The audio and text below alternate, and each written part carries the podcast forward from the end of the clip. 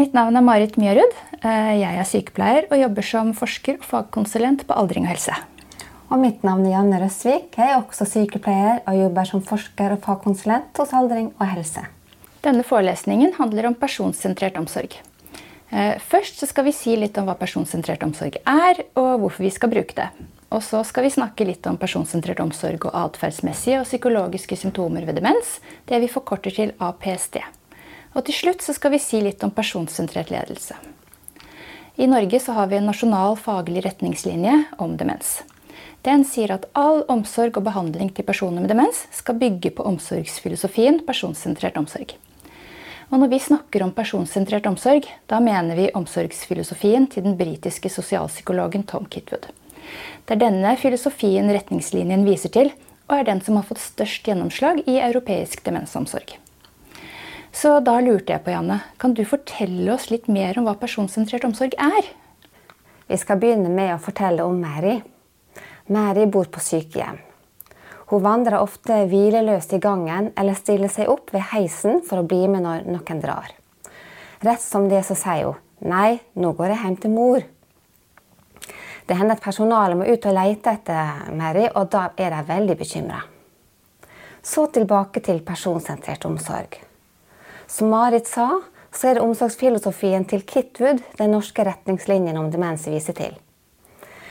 Denne omsorgsfilosofien bygger på fire hovedprinsipp som har fått akronymet VIPS.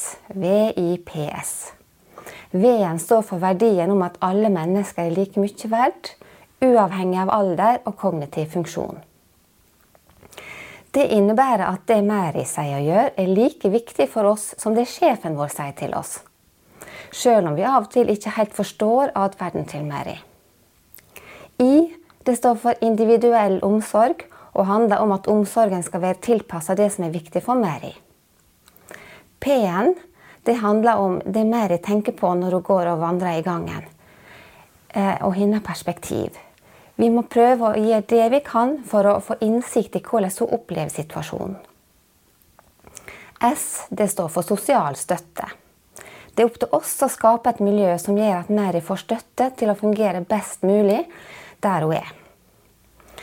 VIPS-rammeverket ble laga da Kitwood døde i 1997 fordi medarbeiderne hans, som heter Dawn Brooker, opplevde at eh, personsentrert omsorg det ble forenkla, slik at eh, de sa det er det samme som individuelt tilpassa omsorg. Så da laga hun VIPS-rammeverket der det er seks konkrete indikatorer til hver av de fire elementene i omsorgsfilosofien til Kitwood. Her ser dere eksempler på det. Eh, som dere kan se, så har indikatorene fått nummer. Eh, vi skal ikke gå gjennom alle sammen nå, men dere ser eksempler på dem her. Kitwood legger også stor vekt på grunnleggende psykologiske behov. Og Det første behovet det er behovet for identitet. og Det handler om å vite hvem man er. Kanskje trenger mer hjelp til å huske hvor hun kommer fra, hva som var viktige hendelser i livet hennes. Og så er det tilknytning. Det handler om å føle seg hjemme og være trygg. Opplever Mary at hun har en trygg base der hun er, og har hun noen som hun stoler på. Og så er det behovet for inkludering. Det handler om å være inkludert i en gruppe som er viktig for oss. Og vi er ulike. Noen vil være med i mange og store grupper, for andre så holder det med ei lita gruppe. Og det gjør vondt å føle seg utestengt fra ei gruppe som er viktig for deg. Så er Kitwood opptatt av et behov som heter 'occupation' på engelsk. Som er litt vanskelig å oversette, men det kan oversettes med meningsfull aktivitet eller å være virksom. Eh, og det handler om å ha noe å gjøre og holde på med som du setter pris på. Ikke for mye, men akkurat så mye som du har krefter til og lyst til. Og så er det behovet for det som Kitwood kaller 'comfort', som vi oversetter med 'trøst' på norsk, men som også handler litt om eh, psykologisk og fysisk velvære. Personer med demens kan oppleve en del tap, f.eks. tap av språk og hukommelse. Og trøst det handler da om å gjenopprette psykisk og fysisk velvære og hjelpe dem til å, å føle seg bedre og mestre tilværelsen bedre til tross for tapene. Og så snakker Kittur om faktorer som påvirker atferden ved demens. Eh, og det første der er selvfølgelig den nevrologiske skaden i hjernen. Og eh, der har vi ulike typer demens som rammer ulike deler av hjernen, og som da gir ulike kognitive symptomer. Og så har vi helsetilstanden. Du vil fungere bedre om du føler opplagt en dag, eller om du er. Og sånn er det også for personer med demens. Og så er det personligheten din. Noen får eh, eh forsterka noen personlighetstrekk når de får demens.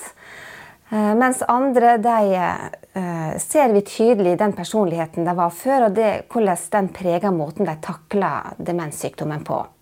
Og så er det livshistorien. Eh, det kan være veldig nyttig å vite litt om hva som har skjedd tidligere, for å forstå det personen med demens snakker om. Og så er det det sosiale miljøet. Eh, og da kan vi jo spørre om Mary får støtte i miljøet så hun føler seg trygg og, og, og kan bruke ressursene sine. Og på det bildet her så ser dere ei vakker stue med en stor palme. Og da kan vi jo spørre om det fysiske miljøet også er tilrettelagt, slik at Mary forstår det hun ser og klarer å fungere godt der. Kanskje ville hun ha blitt forvirra av at det står et stort tre inne i ei stue hvis hun var akkurat der så kan vi spørre hvorfor skal vi ha personsentrert omsorg. Og da kan vi først se på hva forskninga viser. Eh, studier har vist at personsentrert omsorg kan gi økt livskvalitet hos beboere på sykehjem. Det kan redusere nevropsykiatriske symptomer, eller APSD, som f.eks. uro og depresjon. Og det kan redusere bruk av psykofarmaka, som f.eks. beroligende medikamenter. Men personsentrert omsorg er også en verdi i seg sjøl. Det er faktisk slik vi alle gjerne vil bli møtt. Men kanskje er det spesielt viktig for personer med demens fordi de kan ha vansker med å uttrykke seg. Og Her ser dere et eksempel på en indikator som heter P5. og Den spør blir utfordrende atferd analysert for å finne hva som kan ligge bak. Og Gjør vi det, så kan eh, personsentrert eh, omsorg også forebygge APSD og bruk av tvang. Så Meri hun bor på sykehjem. Eh, og hun har moderat Alzheimers sykdom, og hun har bodd der på det sykehjemmet en god stund. Hun vandrer i avdelingen. Det er slitsomt for både henne selv, og for de andre beboerne og for personalet. Og Av og til så står hun ved heisen for å bli med de som skal dra ut. Og hun sier ofte 'nei, nå går jeg hjem til mor'. Så hva handler dette her om? I denne delen av forelesningen skal vi se litt nærmere på hvordan vi kan bruke personsentrert omsorg til å forstå denne type atferd eller reaksjon. Først skal jeg si litt om de her to begrepene, APSD og NPS. APSD står for atferdsmessige og psykologiske symptomer ved demens. Og NPS står for nevropsykiatriske symptomer. Begrepene brukes også om hverandre, og de handler om det samme. Eh, I denne forelesningen skal vi bruke begrepet APSD. Eh, APSD er tegn og symptomer som følger av forstyrret persepsjon eller oppfattelse, og forstyrret tankeinnhold og sinnstilstand, og er atferd som man ofte ser hos personer med demens. Vi vet at de her symptomene forekommer ganske hyppig. Mer enn 90% av personer med demens får ett eller flere av de her symptomene. Eh, og symptomene de svinger gjennom demensforløpet. Eh, og som jeg sa, så er symptomene slitsomme både for personen selv, og for pårørende og for helsepersonellet som skal hjelpe og støtte personen med demens. Og Her ser vi en lang liste med det vi kaller atferdsmessige og psykologiske symptomer ved demens. De vanligste symptomene er depresjon og uro, og mange blir veldig initiativløse og apatiske. Hvilke av disse symptomene er det vi kan se hos Mary? Hun virker jo veldig urolig. Hun vandrer, hun sier hun vil hjem, selv om hun jo bor på sykehjemmet. Eh, det er godt mulig at hun ikke trives på sykehjemmet. Kanskje hun er redd, kanskje hun har angst eller er deprimert. Eh, og hvis vi tenker litt på oss selv, så vet vi at hvis vi er i en situasjon vi ikke klarer å gjøre oss forstått, eller vi kanskje ikke forstår hvor vi er, da blir vi engstelige. Og så forsøker vi å løse den situasjonen eh, på en måte som gjør at vi kommer til å føle oss trygge. Eh, og det er det samme med personer med demens. Vi vet at når en person med demens er i en situasjon hvor hun ikke klarer å gjøre seg forstått, så kan det utløse eller forsterke APSD. Men kan vi bruke personsentrert omsorg for å forebygge APSD? I sted så fortalte Janne oss om, om denne omsorgsfilosofien til Kitwood. Og vi lærte hvordan ulike faktorer påvirker atferden eller reaksjonen vi ser hos personen med demens.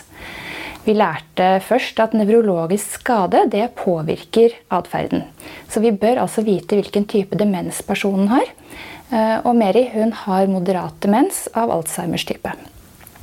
Og så må vi vite noe om de kognitive symptomene.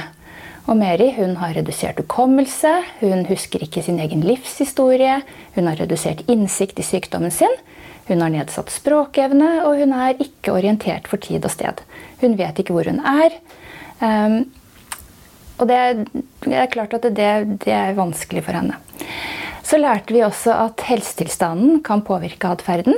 Eh, men det virker ikke som Mary har noen særlig smerter eller plager. Og så har pårørende fortalt oss at Mary hun har alltid vært litt engstelig. Så da vet vi noe om personligheten hennes. Eh, og så vet vi noe om livshistorien hennes. Hun er oppvokst på gård, hun har bodd på denne gården hele livet, og hun er tett knyttet til hjemstedet sitt. Så da vet vi noe om livshistorien. Um, skal vi se. Og her ser dere fire elementer i omsorgsfilosofien. V, I, P og S. Og helt sentralt i personsentrert omsorg er verdien om at det en person med demens sier og gjør, er meningsfullt ut fra personens perspektiv. Altså all atferd, f.eks. uro og irritasjon, er en form for kommunikasjon. Derfor må vi forsøke å sette oss inn i personen med demens sitt perspektiv. Og hva er det Mary sier og gjør?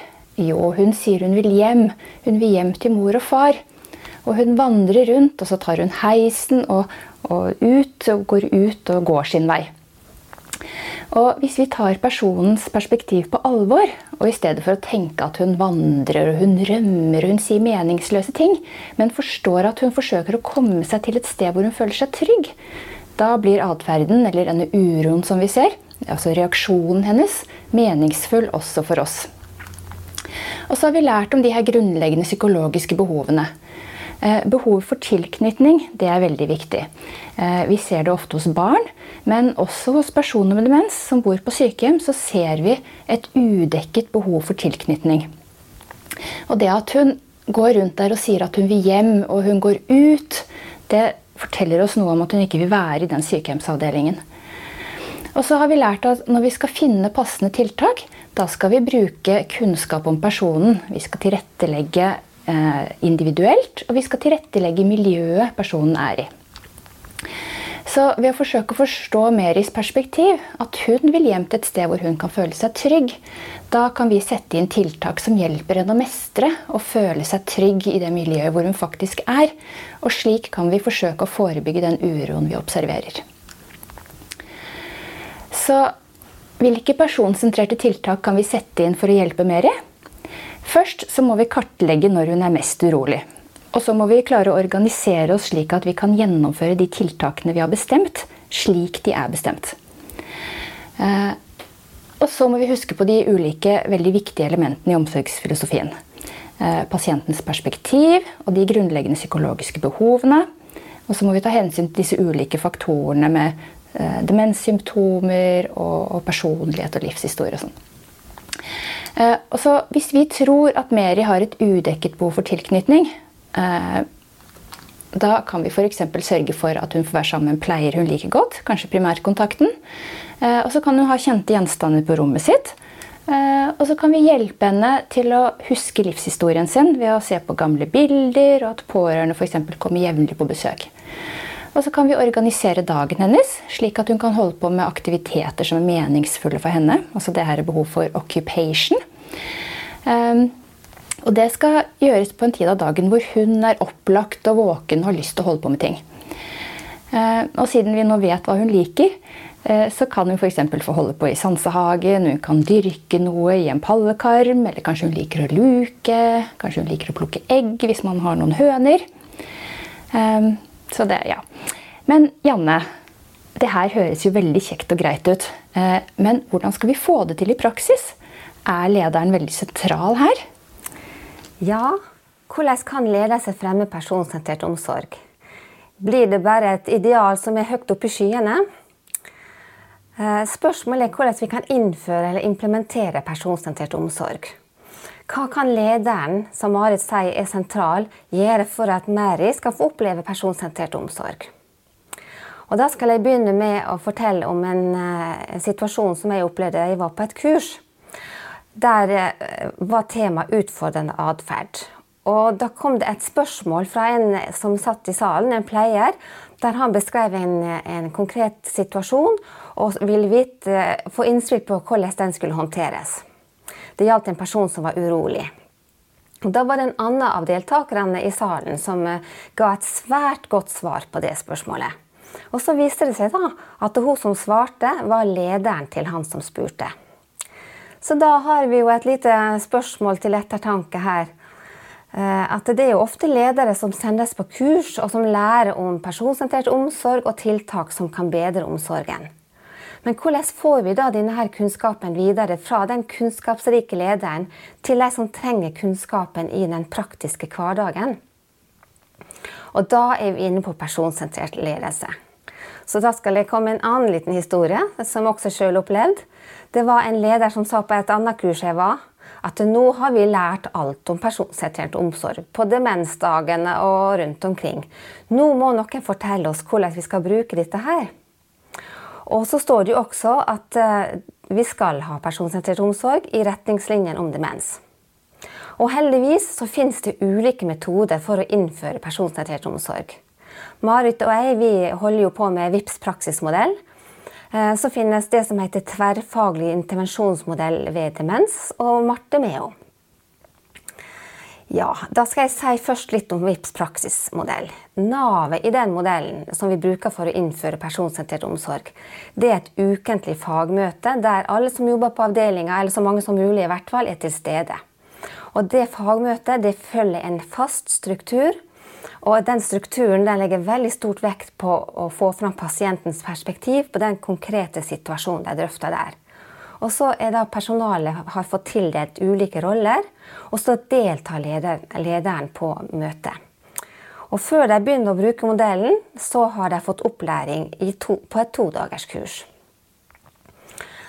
Og så har vi gjort en studie eh, der vi har spurt eh, de som har fått til å implementere og begynne å bruke VIPS praksismodell i hjemmetjenesten og i sykehjem rundt om i landet, hva som skal til for å lykkes med implementeringen. Og det som de alle la vekt på, det var at man måtte ha støtte fra ledelsen. Og det var på alle nivå. Avdelingslederen måtte få støtte fra lederne over seg, slik at det, det var satt av midler, altså eh, kroner og øre til å gjennomføre kurs som var nødvendig, men også tid til å ha fagmøter. Og at ledelsen sa tydelig fra om at dette her skal prioriteres. Og så måtte lederen også da støtte eh, de ansatte i gruppa til å møte opp. Minne dem på at nå er det møte, og ja, det er noen som er syke i dag, men vi skal organisere det med hjelp fra en annen avdeling, så vi får gjennomført møtet likevel. Og så også være til stede på møtet og hjelpe dem i starten når de kanskje syns det er litt uvant med denne strukturen de skal følge. Men før man begynner å innføre noe som helst nytt, og også VIPS praksismodell, så må det være stabilt i ansattgruppen. Hvis det er veldig mange som har slutta på en gang, eller lederen er helt ny, og det oppleves som litt kaotisk i avdelingen, så er det ingen god idé å innføre eh, noe som helst nytt. Så Derfor så må man vente til det er rolig og de er klare til å ta imot og begynne med en ny modell. Og så må de ansatte få grundig opplæring. Eh, hvis ikke så skjer ofte det at de opplever at de mislykkes og får det ikke til å miste motet. Og da har man fått en oppoverbakke som er litt unødvendig. Og så hadde vi en annen studie der vi spurte de som hadde holdt på med personsentrert omsorg i mer enn ett år. Da spurte vi ledere og leger i hjemmetjeneste og, og på sykehjem og i kommunehelsetjenesten om de så noen resultater eller merka noen endring etter å ha brukt driftspraksismodell, altså personsentrert omsorg. Og da fant vi to ting. Den første, det første funnet det var endring i personalets faglige tenkning. De fortalte det at nå var det et økt nivå i faglige diskusjoner, da spesielt på disse fagmøtene. Og så merka de også en endring fra oppgave F.eks. Det, dette med å diskutere hvem som skulle ta skylderommet, hvem som skulle gå til hvilken pasient, og, og de praktiske tingene som skulle gjøres. Nå var de først og fremst opptatt av å, å tenke på pasientene, hva som var viktig for den enkelte pasient den dagen. I tillegg til å organisere det praktiske, slik at det ble en, en bedre balanse. At personsentrert omsorg var med på å forme hvordan de prioriterte dagen. At det ikke var oppgavene som forma det, først og fremst. Det andre hovedfunnet vårt var at de så en endring i klinisk praksis. De fant lettere gode personsentrerte tiltak som fungerte. Eh, og det ga eh, at de så de fikk mindre uro eh, i avdelinga, og det ble mye mindre bruk av tvang. Og det var mindre bruk av medisiner som psykofarmaka av ulike slag. Og så ble det også mer fokus på personsentrert omsorg i den daglige eh, gjøremålene, men også slik at personalet merka at det var personsentrert omsorg til dem, at lederen var opptatt av hvordan de hadde det. Så hele miljøet ble prega av verdiene i personsentrert omsorg. Og så merka de også endringer i samarbeidet med andre involverte parter. For så fortalte legene at det var bedre samarbeid, de fikk mer informasjon, og informasjonsflyten var bedre på alle vis. Og også så fikk de færre klager på pårørende. Personsentrert omsorg er en omsorgsfilosofi. Den handler om pasientens perspektiv, om grunnleggende psykologiske behov og ulike elementer som påvirker den atferden eller reaksjonen som vi ser hos personen med demens. Så har vi en nasjonal retningslinje som bestemmer at omsorg og behandling skal være personsentrert. Videre har vi snakket om hvordan personsentrert omsorg kan brukes til å forebygge atferdsmessige og psykologiske symptomer ved demens. Og vi har snakket om personsentrert ledelse. Lederen er helt avgjørende når en avdeling skal implementere personsentrert omsorg. Personsentrert omsorg er bra. Lykke til!